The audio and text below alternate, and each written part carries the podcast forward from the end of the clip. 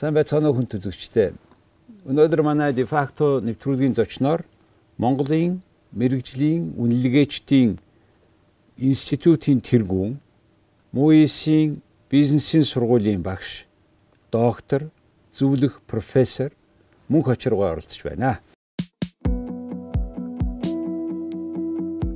Ловсон гişийн мөнх очир Монголын мэрэгжлийн үнэлгээчдийн институтын тэргүүн доктор профессор Мөнх очрын санхүү эдийн засгийн техникумыг төсвийн нэгтлэн бодогчийн мэрэгчлэр 1973 онд Монгол Улсын их сургуулийн нэгтлэн бодогч эдийн засагч мэрэгчлэр 1982 онд дүүргэсэн. Төгссөөс хойш Монгол Улсын их сургуулийн нэгтлэн бодох бүртгэлийн тэнхимд багшаар ажиллаж ирсэн ба энэ хугацаанд Монгол Улсын их сургуулийн дэд захирал тэнхимийн эрхлэгчээр томилогдсон ажиллаж байсан туршлагатай. Судалгааны гол чиглэл нь хөрөнгийн үнэлгээ, санхүүгийн тайлангийн аудит, дотоод хяналт ба аудит ажээ.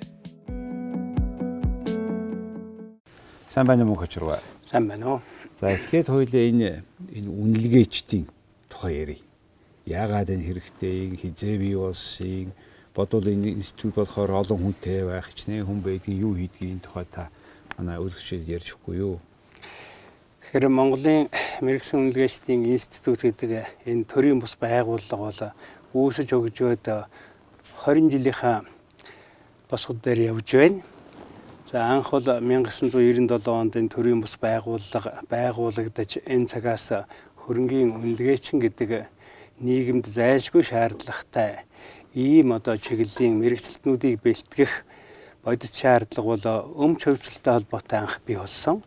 За өмч хөвчлөлийн одоо комисс гэж байсан. За тэрний дэргэд бол хөрөнгө үнэлэх одоо ийм комисс ажилладаг байсан. За энэ нь бол одоо явандаа олон улсын жишгийн дагуу тусгай зөвшөөрөл өгье. Ийм мэрэгсэн ажилтнууд үнэлгээний ажлыг гүйцэтгэх болсонтой холбоотойгоор үнэлгээчдийг бэлтгэж эхэлсэн ийм түүхтэй. За өнөөдөр бол Монгол улсын хэмжээнд хөрөнгийн үнэлгээний тусгай эрх эзэмшдэг нэг 250 гаруй ийм үнэлгээчин байна. За энэ үнэлгээчдээс идэвхтэй үйл ажиллагаа явуулж байгаа нэг 100 гаруй хүн үнэлгээчин байгаамаа. За хөрөнгийн үнэлгээний дагнсан компани нэг 10 гаруй. За хөрөнгийн үнэлгээ хийх эрхтэй үнэлгээний үйл ажиллагааг давхар эрхэлж байгаа аудитын нэг 70 гаруй компани Монгол улсад үйл ажиллагаа явуулж байна. За үнэлгээний үйл ажиллагаа өнөөдөр бодит эрэлт байна уу гэхээр үнэхээр одоо бодит эрэлттэй. А анх бол яг өмч хөвчлөлийн одоо зорилгоор үнэлж байсан болвол яванда зах зээлийн бодит эрэлтийн дагуу төрөл бүрийн одоо шаардлагаар хөрөнгө үнэлэх ийм эрэлт бий болсон. За үүний нэг нь бол энэ хөрөнгийн бодит үн цэнийг тогтоож бүртгэх асуудал байна. Өөрөөр хэлбэл нэгтгэл мод хүртгэлийн олон улсын стандартаар хөрөнгийг бүртгэхдээ зах зээлийн бодит үн цэнээр нь үнэлж бүртгэж байх ёстой гэж заасан. За энэ бол хамгийн чухал одоо ийм зүйл байгаа юм. За дараа нь юу гэхээр үйл ажиллагаа явуулахдаа бизнес хэрэгтэйтэй холбоотойгоор банкнаас зээл авдаг. За энэ бүхэнтэй холбоотой барьцаа хөрөнгийн зорилгоор хөрөнгийг бол нэлээд үнэлж эхэлсэн. За хөрөнгийн үнэлгээ маань энэ талаас нь аваад үзэх юм бол нэлээд одоо юу гэдгийг бизнесийн хүрээнд гэдэг юм уу арай явцсан хүрээнд байсан бол сүүлийн үед хүрээн өргөжж тэлж байна. За энэ талаарх массын мэдлэг бол нэлээд дээшилсэн. Энэ юутай холбоотой вэхээр сүүлийн үед газар чөлөөлөлттэй холбоотой иргэдийн хашаа байшингийн газрыг орон сууцны барилгаар солих за хот дахин төлөвлөлт нийтийн зайлшгүй шаардлагаар газар чөлөөлж чухал барилга объектууд барих энэ шаардлагаар иргэдийн газрыг улс эргүүлж авдаг болсонтой холбоотойгоор энэ нөхөн олгор нөхөн төлбөрийн энэ үнэлгээ нэлээд хийгдэх болсон. За энэ бол одоо нийгэмд ард түмэнд энэ хөрөнгийн үнэлгээний ач тусыг эрэлт хэрэгцээг нэлээд ойлгуулж байгаа ийм одоо үйл ажиллагаа болж байна гэж ингэж бодож байгаа. За.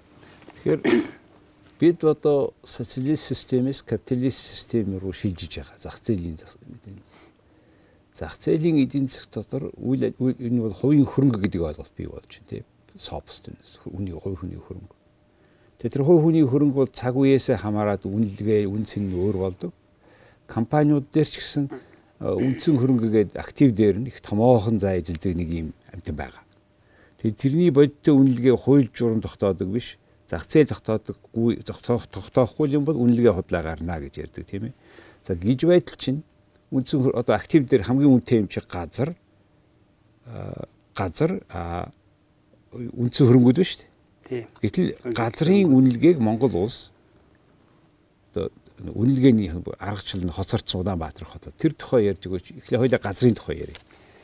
За тэгэхээр энэ яхахгүй үйл хөдлөх хөрөнгийн зайлшгүй нэг ер нь үйл хөдлөх хөрөнгийг үнцэнтэй байлгадаг нэг хүчин зүйл бол газар.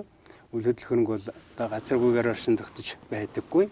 А гэтэл таны хэлж байгаагаар бол энэ газрын асуудал энэ үнэлгээтэй холбоотойгоор энэ газрын харилцааг зохицуулах энэ асуудал бол үнэхээр хоцорсон. Өнөөдөр энэ газрын суур үнэлгээ тогтоосон эрх зүйн энэ акт бол 1997 онд гарсан. 152 дугаар тогтоол гэдгээр Улаанбаатар хотод 1 м квадрат газрыг бол 44 мянган төгрөгөөр тогтоол энэ засгийн газрын тогтоол гарсан. За. За энэ тогтоол бол өнөөдөр хүчин төгөлдөр мөрдөж байгаа. За. Гэтэл яаж үүсгэн гинэ? 1 м квадрат газрын ийг бол 44 мянган төгрөгөөр. Буюу Улаанбаатар хотын энэ Улаанбаатар хотод нэг гай газар 440 сая төгрөг гэсэн үг. За энэ бол өнөөдөр газрын энэ татварах төлбөр бүх юмны үндэс суурь болоо явж байгаа. Гэтэл энэ 20 гаруй 20 жил өнгөрөө явж байна. Энэ хугацаанд бол газар 20 жилийн өмнөхөн бод бол эргэлтэнд орсон. Харьцангуй эргэлтэнд орсон. Гэтэл энэ эргэлтэнд орсон энэ харилцаатай авч үзэх юм бол энэ суур үн маань үнэхээр хоцрогдчиход байгаа. За өнөөдөр ер нь газрын харилцааг зохицуулахтай холбоотой энэ үнэлгээнд холбогдох олон асуудлууд бий. Маш олон асуудал байна. Засах, янзлах, сайжруулах ёстой. Тухайлбал одоо хөрөнгө үнэлэхэд нэг газартай холбоотой бэрхшээл юу байдгийг бэ гэхээр газрын одоо зөвхөн газар гэдэг тодорхойлт маань өөрөө манайд бол зөвхөн газрын одоо гадаргуу гэдгээр тогтоцсон байгаа. Гэтэл улс орнууд бол агаар мандлын хэсэг, газраас доош газрын одоо хэвлийн хэсэг энэ бүхэн нэг одоо зохицуулсан эрх зүйн зохицуултууд бий хөрөнгийн үнэлгээнд. За манайд бол энэ хоёр хууль нь тусдаа яваад байдаг. Жишээлбэл хөрөнгө үнэлэхэд газрыг үнэлээ гэхэд нэг хувийн байшинтай иргэний газрыг үнэлэхэд тэр доороо гаражтай юм уу одоо газрын давхар гэж ярьдаг. Газрын давхартай байх юм бол тэр барилга барьсан газрын хэсэг бол тэр хүний өмч хэрвээ өмчлөө хувийн одоо хэрэгцээнд өмчлүүлсэн газар байвал гэтэл тэр хэвлийн тэр хүний одоо өмч хөрөнгө байж байгаа тэр подвалын хэсэг нь болохоор газар нь төрийн мэдлэлд байж байдаг. Манай эрх зүйн ийм зохицуулт байгаа. Эннээс болоод энэ газар үнэлэхэд бол бас нэлээ асуудал үүсдэг ийм юм байгаа юм. За ер нь газрын үнэлгээтэй холбоотой э, улс орнуудын энэ туршлагыг судлаад үзэхэд газрыг бүсчлэлээр бүсчлээд за тэгээд жил болгон оны эхэнд энэ үнийн нэгдсэн үнийн бол одоо нийтэд зарлж байдаг ийм тогтолцоо байгаа. За манайд бол энийг хэрэгжүүлэх гэж бас холбогдох байгууллагууд нэлээд ажилласан газар зохион байгуулалт гэдэг зураг зүйн газар барилгын яам энэ бол Германы хамтын нэгдлийн шугамар төсөл хэрэгжүүлээд Улаанбаатар хотод гэр хорооллын газрын үний мэдээллийн сан бүрдүүлэх ийм ажлууд хийгдээд за энэ дээрээ түшиглээд э, саяын байгууллагууд бол газрын үнэлгээний нэгдсэн сан бүрдүүлэх ийм байдлаар ажиллаж байгаа. За манай байгууллага ч гэсэн хамтраад санамж бичиг байгуулад энэ үйл ажиллагаанд одоо оролцоод явж байгаа гэж ингэж ойлгож байгаа. За энэ хэрвээ яг эцлээд тавьсан зорилт нь хэрэгжээд ингээд явах юм бол нэлээд одоо их ач холбогдолтой мэдээлэл бий болох юм байгаамаа. Хизээ дуусах юм бол За энэ бол үргэлжлээд явна. Ер нь бол яг хоо энэ онд дуусчаар ийм өнгөрсөн жил одоо дуусаад зөх төвшөндөө одоо хэрэгжээд хэрэглээд явна гэж ингэж бодож байсан. За тэгээд энэ бол бас ямар шалтгаанаар юм ааж урчаад явж байгаа. Одоо барилгын яамд хилжсэн байгаа гэж ингэж ярьж байгаа. Нэг одоо зөрөг зүүн газрын бол. За энэ бол их чухал мэдээлэл болно. Тийм. Нөгөө талаар газартай холбоотой нэг асуудал бол газрын одоо төлбөр бай. Ер нь хөрөнгийн үнэлгээний нэг гол үндсэн одоо зорилго бол тэр татвар авах, татвар тогтоох тэр үндэс хилтэй үнийг л тогтоож өгөх явдал юм. Өнөөдөр газар дээр ийм юм алга, үйл хөдлөх хөрөнгө дээр ийм юм алга. Хэрвээ манай мэрэгжлийн байгууллага үнэлгээчдийг ашиглаад энийг хийх юм бол улсын төсөв, орон нутгийн төсвийн орлого асар их хэмжээгээр нэмэгдэх боломжтой гэж боддог. Өнөөдөр үйл хөдлөх хөрөнгийн татвар гэхэд гэрчилгээнд бичигдсэн улсын бүртгэлийн үнээс гэж гоё. Тэр бол одоо 10 гаруй жилийн өмнөөс үнийн дүн тавьхан болцсон. Энэ бол байхгүй. А тийм юм байхгүй бол даатгуулсан үнээс гэж гоё юм. За тийм үн байхгүй бол бүртгэлд байгаа үнээс гэж гоё. Гэтэл даатгуулсан үнээсээ дагхан үнээр даатгуулчаад жохон юм төлөө яваад байгаа.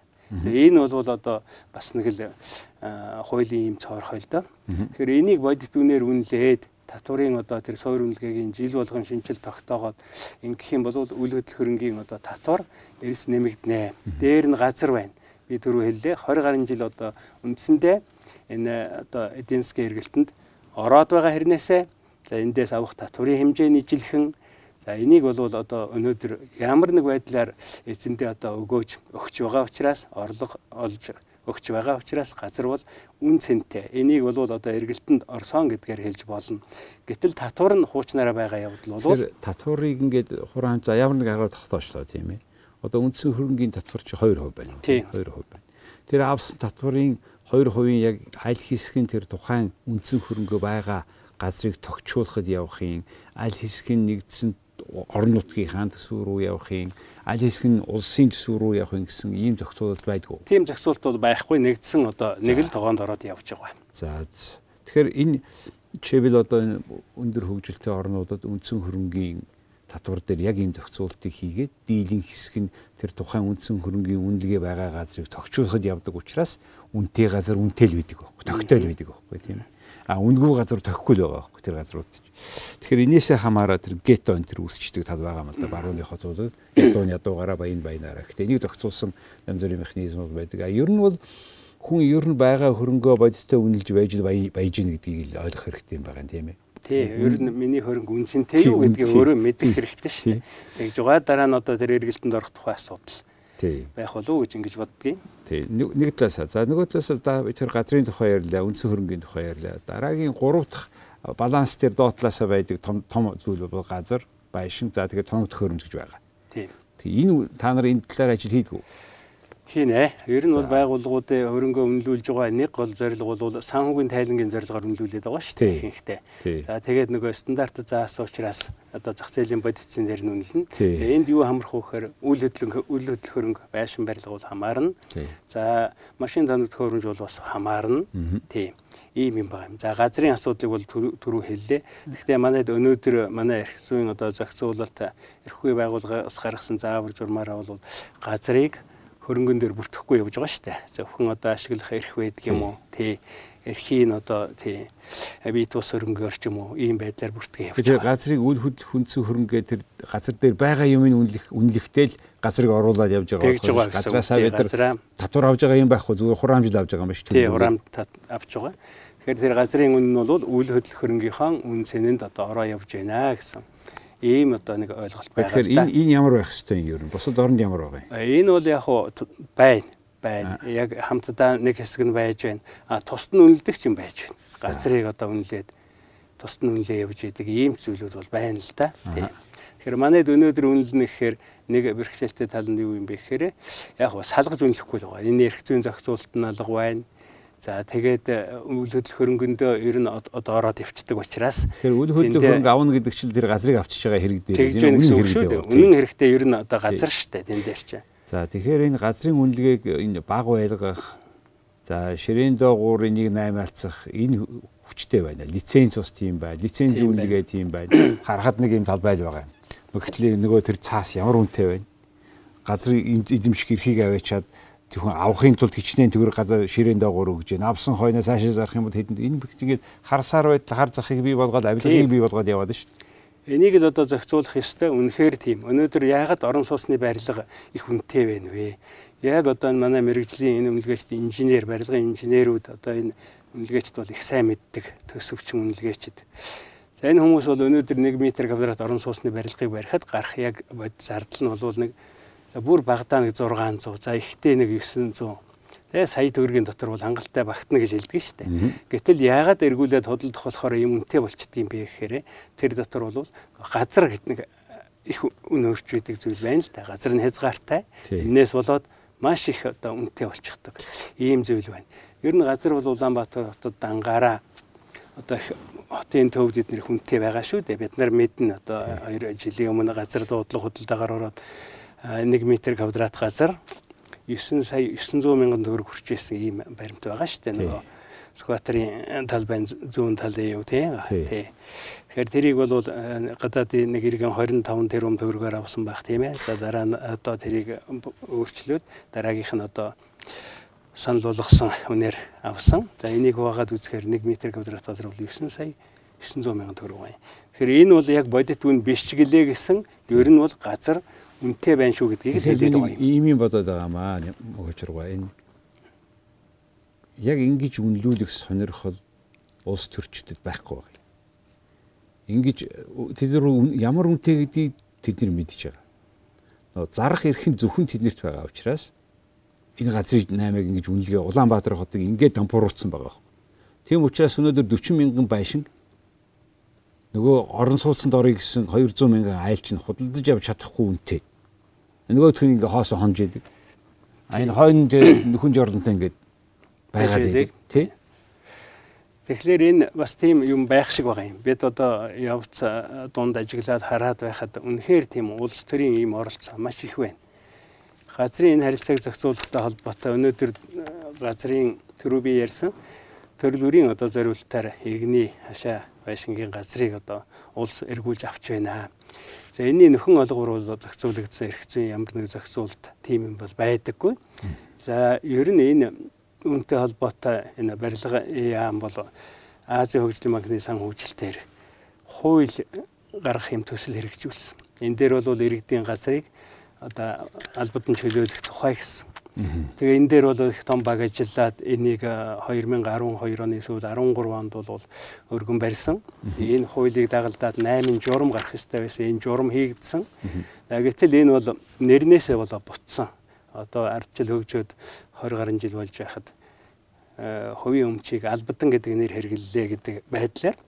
За тэгээд энэ маань бол батлагдаагүй. Их чухал хууль. Өнөөдөр гэтэл энэ хуулийн дагуу гарсан энэ журам журам батлагдаад гарцсан бол өнөөдөр энэ газрын нөхөн олгорын үнэлгээ гэдэг юм бол бодит байдлаар нэг журамтай хийгдээд явах боломжтой байсан. Гэтэл өнөөдөр бол маш их юм эрэлт нь бол байж байна. Газар чөлөөлтийн үнэлгээ маш их хийж байна. За энэ бол тодорхой нэг зохицуултгүй одоо энэ зах зээлийн жишг үнэ гэдгийг барайл одоо ингэж л хийгдэж байгаа. Зүйл байгаа юм. Би бол энэ бүхнийг юм энэ иргэдийгээ яг ийм маягаар байлгаад тэн улс төрд орсон хүмүүс өөрсдөө хашаа ашиг хонжоо хайж байгаа бүр бодлоготой алхам гэж хардсан шүү дээ. Энэ магадгүй ер нь миний бодож байгаагаар түрүү хэллээ би. Энэ газрын зохицуул, энэ газрын багц хууль, энэ дотор орсон саяын тэр чөлөөлтөй холбоотой хууль энэ бүгдийг ч одоо өргөн бариад батлагддаггүй юм штэ. Тэгээд юу гэхээр одоо сонгуул болох гэж байна энэ батлагдахгүй гэж ярьдгийг одоо сонгуул болчлоо одоо нэг хэсэгтээ батлагдахгүй гэдгийг за одоо тэр дунд хугацаанд нь одоо 3 4 дахь жил дээр юм уу 2 3 дахь жил дээр батлагдах болов гэж хараад байдгийг ерөөсөө байдаггүй юм. Гэтэл үнэхээр энийг өөрчлөх шаардлага нь байна уу байгаад байгаа шүү дээ. гараад даруй 15 жил болж байгаа. Үнэхээр тийм. Тэгээ энийг яг тэр сонгуул болно болохгүй. Тэр сонгуульд тэр газар ямар хамаатай байна уу тий. Бид хөрөнгөө үнэлээд урагшаа явмаар байдаг. Тэгээ энэс чинь болоод маш их олон хөрөнгө бодит үнэтэйгээр эргэлтэнд орохгүй байгаа учраас нөгөө компаниуд чинь өсч хөгжиж чадахгүй үнэлгээ нь буруу өрсөл дөөн байхгүй энийхээ үр дүнд ингээ бид ядуураад байгаа байхгүй нөгөө компаниуд чинь хүн ажилд авч чадахгүй. Ягаад гэвэл тэрний газартай холбоотой бүх юм чинь ийм том хаалттай. Гэсэн ийм л дүгнэлт хүрчээд яваад байгаа. Та за энийг талаасаа та бүдэ асуудлыг ярьж байна. Нөгөө талаасаа энэ чиглэлээр өшөө бид нар шинээр хийх юу дутуу байна За энэ чиглэлээр хийх ёстой юм бол юуны өмнө одоо энэ үнийн мэдээллийн бааз гэдэг имийг л их тодорхой болгомоор байна. Энэ гадаад улс орнууд чинь үйл хөдлөх хөрөнгөө газраа худалдсан болвол тэнд ямар үнээр арилж ба гэдэг нь бол ямар ч одоо худлах уурмаггүйгээр бодит дүнгээрээ үнийн дүнгээрээ бүртгэгдэж байдаг. Ийм юм байна.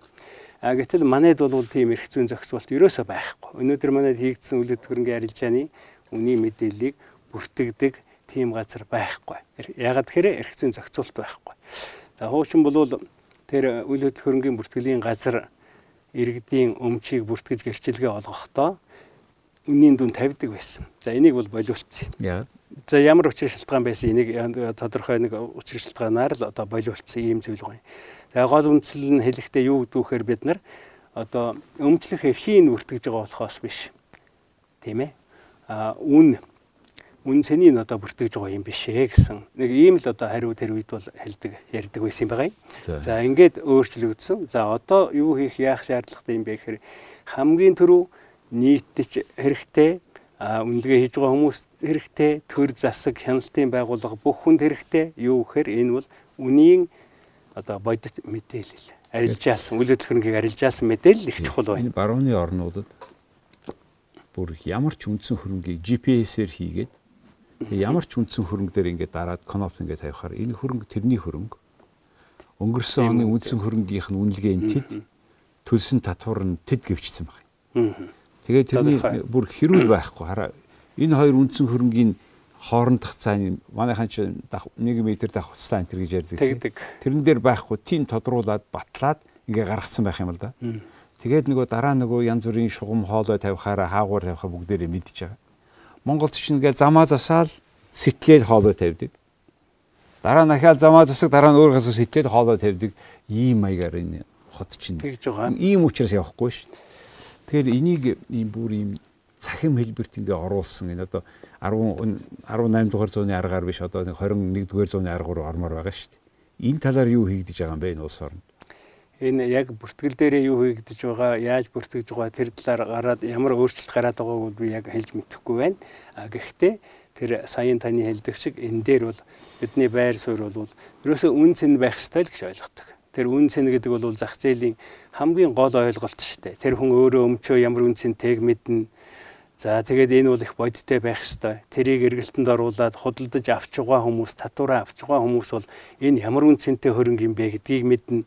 Тийм учраас ер нь үнэлэх нь шаардлагатай. Тэгэхээр энэ манай үндсэн хөрөнгөтэй ажилдаг байгууллагууд хүмүүс нийлээд тэр public domain гэдэг юм. Буюу үндсэн хөрөнгийн олон нийтийн мэдээлэл гэдэг вебсайт ажилладаг юм байна л да. Тэгээ тэр вебсайт руу ингээ ороод хотынхоо хаанч утсан гэсэн тэгээд дараад үзэхээр тэр мэдээллийг өгөхөөс гадна зарж гинэ үгүй юу гэдгийг хэлдэг. Тэгээ энэ одоо яг одоо on sale. Хэрвээ нөгөө хүн үндсэн хөрөнгөө зарна гэж байгаа бол тэр бол бас хой хүний асуудал биш юм байна л да. Нөгөө тэгээд жишээлбэл тэр үндсэн хөрөнгийг тэгээ юунд хэрэглэх. Авсан хүн чи миний хөрөнгө юу ч яасан яад ингээд дотор нь пуужин харвдаг суур байгуулчих л да. Тэгэхээр тэр одоо гихмитээр энэний ялга нөгөө зонинг гэж яриад шүү дээ. Тэр нь хотод байхгүй байна. Хаана амьдрахын, хаана ажиллахын гэдгийг та энэ талаар юу гэж боддог? Энэ э, яхахгүй чухал асуудал л да. Тэгэхээр өнөөдөр ийм мэдээллийн ийм бааз бий болгох хэмжээнд өнөөгийн энэ харилцаа бол хүрч чадаагүй байна. Үнэхээр хүрч чадаагүй байна. Бүртгэлийн талдаа ч ийм байна. А нөгөө үнэлгээний талдаа ч ийм байна. Тийм учраас би бол энэ хөрөнгийн үнэлгээний энэ байгууллага энэ мэрэгжилтнүүдийг ашиглаад өөрийнхөө улс орныхоо хэмжээнд энэ бол тодорхой төвшөнд үнэлчих юм чадамж бол бий энэ хөрөнгөө үнцэнтэй болгож үнэлүүлж авах шаардлага яхахгүй байна. Саяын зорилгоор одоо үнэлүүлэх хэрэгтэй байна. Нөгөө нэг зүйл бол одоо энэ татварын зорилгоор байна. За тэгэл бүртгэх хянах энэ зорилгоор бол зайлшгүй одоо үнэлэх юм шаардлага бий. Энэ дээр энэ мэрэгжлийн байгууллагыг дэмжиж туслаад хамтраад энэ төрийн байгууллага маань одоо энэ их боломжийг ашиглаасай л гэж ингэж боддгийн. За ийм байдлаар хийгдэх юм бол цаашаа ямар ч мэдээллийг бид нар гаргах боломжтой. Ийм зүйлээр эхэлж хиймээр байна. Улаанбаатар хотыг хөгжүүлэх өөрийнх нь хөрөнгө нь хотыг тойроод байна гэж Хернандо де Сото хэлсэн тийм ээ. Хэрвээ энэ бүх хашааг бүртгээд одоо тэр хашаанд 4 5 айл байгаа бол тэдний асуудал. Нөгөө ядаж нэг дээр нь бүртгээд тэрийг өөрсдөө шийднэ. Тэгээд аль нэг дээр нь бүртгээд тэгээд тэр байшин үнэлгээгээр нь тэднийг хоршуулад хоршин гэдэг чинь олон хөрөнгөтэй хүмүүс нийчлээ шүү дээ. Тэгвс тэрэнд нь хот дэд бүтц татчих гэж бас хөрөнгө үнэлээд бонд гаргаад бүр нэрлсэн бонд тасгийн овооны тавч гэдэг юм уу. Тэгээд ингээ орон сууцыг бариад барьсан орон сууцанд нь тэр нөгөө хөрөнгөө нийлүүлсэн хүмүүс барилгааж аваад ашгаач авдаг. А одоо яхад ашгийн нэг барилга барьсан хотын даргын хамаатны өгөх гээд шүү дээ чинь. Ингээ хүмүүс чи энэ ингээд тэр 9 шидийн шин төлөвлөлтөнд явахгүй байгаагийн гол амиж нь энэ байгаа юм л да. Тэгэхээр бүгдээрээ яг ингэж ярьж байгаад энэ мэддэг бол хийлгээд мэддэггүй бол мэдүүлээд ингэж урагшаа явахгүй бол үгүй одоо хичнээн жил гэж гацх юм бэ энэ ч. Тийм.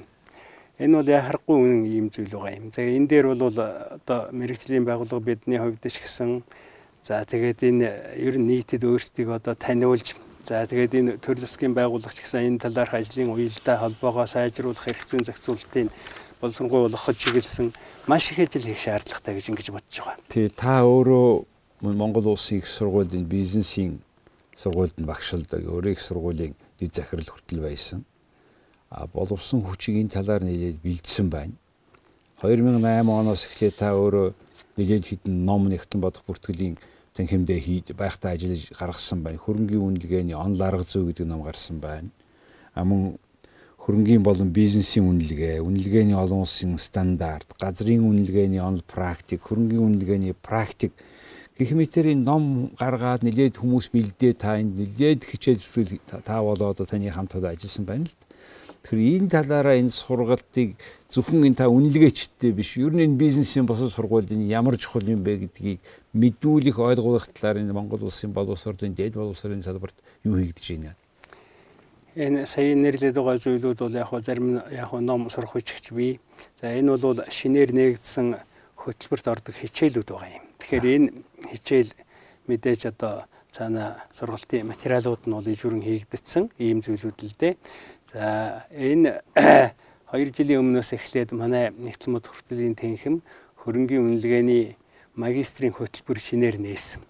Энэ хөтөлбөрт яг уу төгсөлтийн дараах сургалт одоо магистрийн сургалтанд хамрагдж байгаа хүмүүс одоо өөрийнхөө сонирхлоор сонголтоороо ороод суралцж байгаа. А ер нь бол бакалаврын оюутнууд бас энэ хөрөнгөний үнэлгээний хичээл орж байгаа. За тэрнээс гадна та асууж байна нийтэд одоо хамарсан нийтийн одоо мэдлэгийг дээшлүүлэхтэй холбоотой бизнесийн зориулсан ийм сургалт байна уу гэж. Тэгэхээр бид нар бол энэ бизнесийн зориулсан ийм сургалт бол одоо явуулдаг. Гэхдээ энэ маань бол тийм бас түгээмэл болж чадаагүй байгаа. Тий. Ер нь төгсөгчдөйгөө бас бид холбоотой байдаг. Тэгээ төгсөгчдөө энэ шин бий болсон одоо энэ ойлголтууд, шин бий болсон хичээлүүдийн талаар тодорхой зүйлийг бас хөтөлбөр гаргаад заадаг, сургадаг ийм юмнуудыг бол бас эхлүүлж байгаа. Тий. Тэд нэр төгсөө явцнаас хойш гарсан одоо зүйл шүү дээ хөрөнгөний үнэлгээ гэдэг чинь. За массын хувьд бол бид нар яг уу одоо нийтийн мэдээлэл зориулаад бас сэтгүүл гаргадаг юмнууд бий л дээ. Тэгээ энэ дээр бол хөрөнгөний эрх зүйн зохицуулалт за хөрөнгөний онлын асуудлаас эхлээд тэр энгийн хөрөнгөө хэн үнэлэх ёстой юм бэ хэнээр үнэлүүлэх үү гэдэг талаар бол бичдэг иймнүүд бол бий. Тэгэхээр эцсийн эцэст бол хөрөнгийг одоо энэ массын хувьд ард түмний хувьд юу гэж ойлгох ёстой вэ гэхээр энэ хөрөнгөний үнэлгээг чинь хэн хүн хамаагүй хийдэг юм биш байна. Энийг бол сангийн яамны сайдын тусгай зөвшөөрөл эзэмшдэг хөрөнгөний үнэлгээчин гэсэн итгэмжлэгдсэн ийм хүн хийдэг юм шүү. Тэр битгийл гадаадын одоо хөрөнгөний үнэлгээний байгуулагч Монголд ирээд хийчихгүй. Монголоос бол зохих зөвшөөрөл тусгай лицензийг авах ёстой. Тийм учраас сая тэр PwC Монголын банкуудын активын үнэлгээ хийхдээ танай ажилтнуудаас танай гишүүдээс авч оролцуулсан гэсэн тийм ээ. Тий, манай үндэсний л үнэлгээчд бол хийсэн те. Оролцож тий бодит байгаа банкуудыг. Энэ үнэлгээ гэснээс энэ манай одоо Америкт нэг 10 өхөр явж байхад тэр чинь одоо үнэтэй юм аа, үнэлгээтэй юм аа. Титэн дөрөвний үнэтэй өхөр явж яана гэж бичсэн байгаа байхгүй. Юу им им им гэ малын им чихвч дээр нэг чихэн чип байгаа. Тэрүүгээр нь энэ хэний мал өгөхөд орно уншааж хараад ингээд тэр юм үнэтэй тим тим одоо тийм тийм одоо их эцгээс одоо малаар бол тийм удам судартай гарсан ийм бүтээлч нодон жил төчний хэмжээний сүү өгсөн энэ жил одоо ийм яваа энэ төргээд энэ малын үнэлгээн дээр ямар их юм бэ? Малыг бол яг хуу ер нь бол бид үнэлдэг. Ялангуяа одоо энэ малын хулгайтай холбоотой шүүх энэ цагдаа сэргийлэх энэ байгууллагын одоо хүсэлтээр За энийг үнэлдэг юм би. Тохиолдлоор. Тий, тохиолдлоор голдуу та. Хэрэг гарахаар. Хэрэг гарахаар. Гэхдээ энэ одоо жишээ би мянган малтай малчин гэж бодъё. Одоо мянган мал гэж би ингээд томроод байдаг. Яг миний мянган мал ямар үнэтэй. Тэгээ тэрийг бол одоо өнөөдөр үн цэнийн тогтоогоогүй л байгаа шүү дээ жишээлбэл. Хэрвээ тогтоосон бол нөгөө зээл одоо банк банк зээл өгтөн ямар нэг хэмжээгээр тоо хэлээд шүү. Тий. Тийм мянган малтай хүн 5 малтай хүнээс араа илүү барьц өгөөд юм тийм үү? Тэгэхээр юу юм энэ яг индексжүүлсэн даатгал гээл юм ярьж л байдгийн. За хөрөнгийн үнэлгээ тал руугаа ороод ирэхээр банк энэ бусад байгууллагууд малыг байгаль цагуурын нөлөөч их юм. Дээр нь энэ бол одоо үл хөдлөх хөрөнгөтэй бас ач холбогдлын хувьд адилхаж үздэггүй. Энэ талаасаа болоод барьцаа болгох энэ бүх асуудал дээр бол харьцангуй одоо бас эргэлтэнд орж чадахгүй байгаа юм шиг малч. Тийм байна. Тийм л учраас бас хөдөө аж ахуй хөгжихгүй байгаагийн шалтгаан нь жишээл 100 100 адуутай хүн 10 адуутай хүнээс арай л өөр байх ёстой шүү дээ бичгээрээ. Тэгэхээр энэ гарч ирэхгүй байгаамаа гэ. За энэ үнэлгээний чиглэлээр бол э, та бүхэн ингээд та ялангуяа энэ байгууллага санаачлаад гаргаад өдий болт энэ олон жил их чухал ажил хийж ирсэн талархаж байна. Баярлалаа. А ер нь бол манай бизнестэй хандаад хэлэхэд таны таавал хөрөнгөтөн хүн Тэгээ таны хөрөнгө хэдвэ гэдгийг мэдэхгүй байгаа бол та харалган хүн. Тэгэхээр энийг хийхэд ийм мэрэгжлийн хүмүүс хэрэгтэй гэдгийг өнөөдөр энэ нэвтрүүлгээрээ оролдож та бүхэн төлөвлөхийг оролдлоо. Ингээд танд манай нэвтрүүлэгт оролцсон танд талархаж байна их баярлалаа. За баярлалаа. За хүн түзэгчтэй өнөөдөр манай дефакто нэвтрүүлгийн зочноор ингэж байгаа маа энэ манай Монголын мэрэгчсэн үнэлгээчдийн институт. За тэрний тэргүүн ноён мөнх очир оролцлоо. Баярлалаа.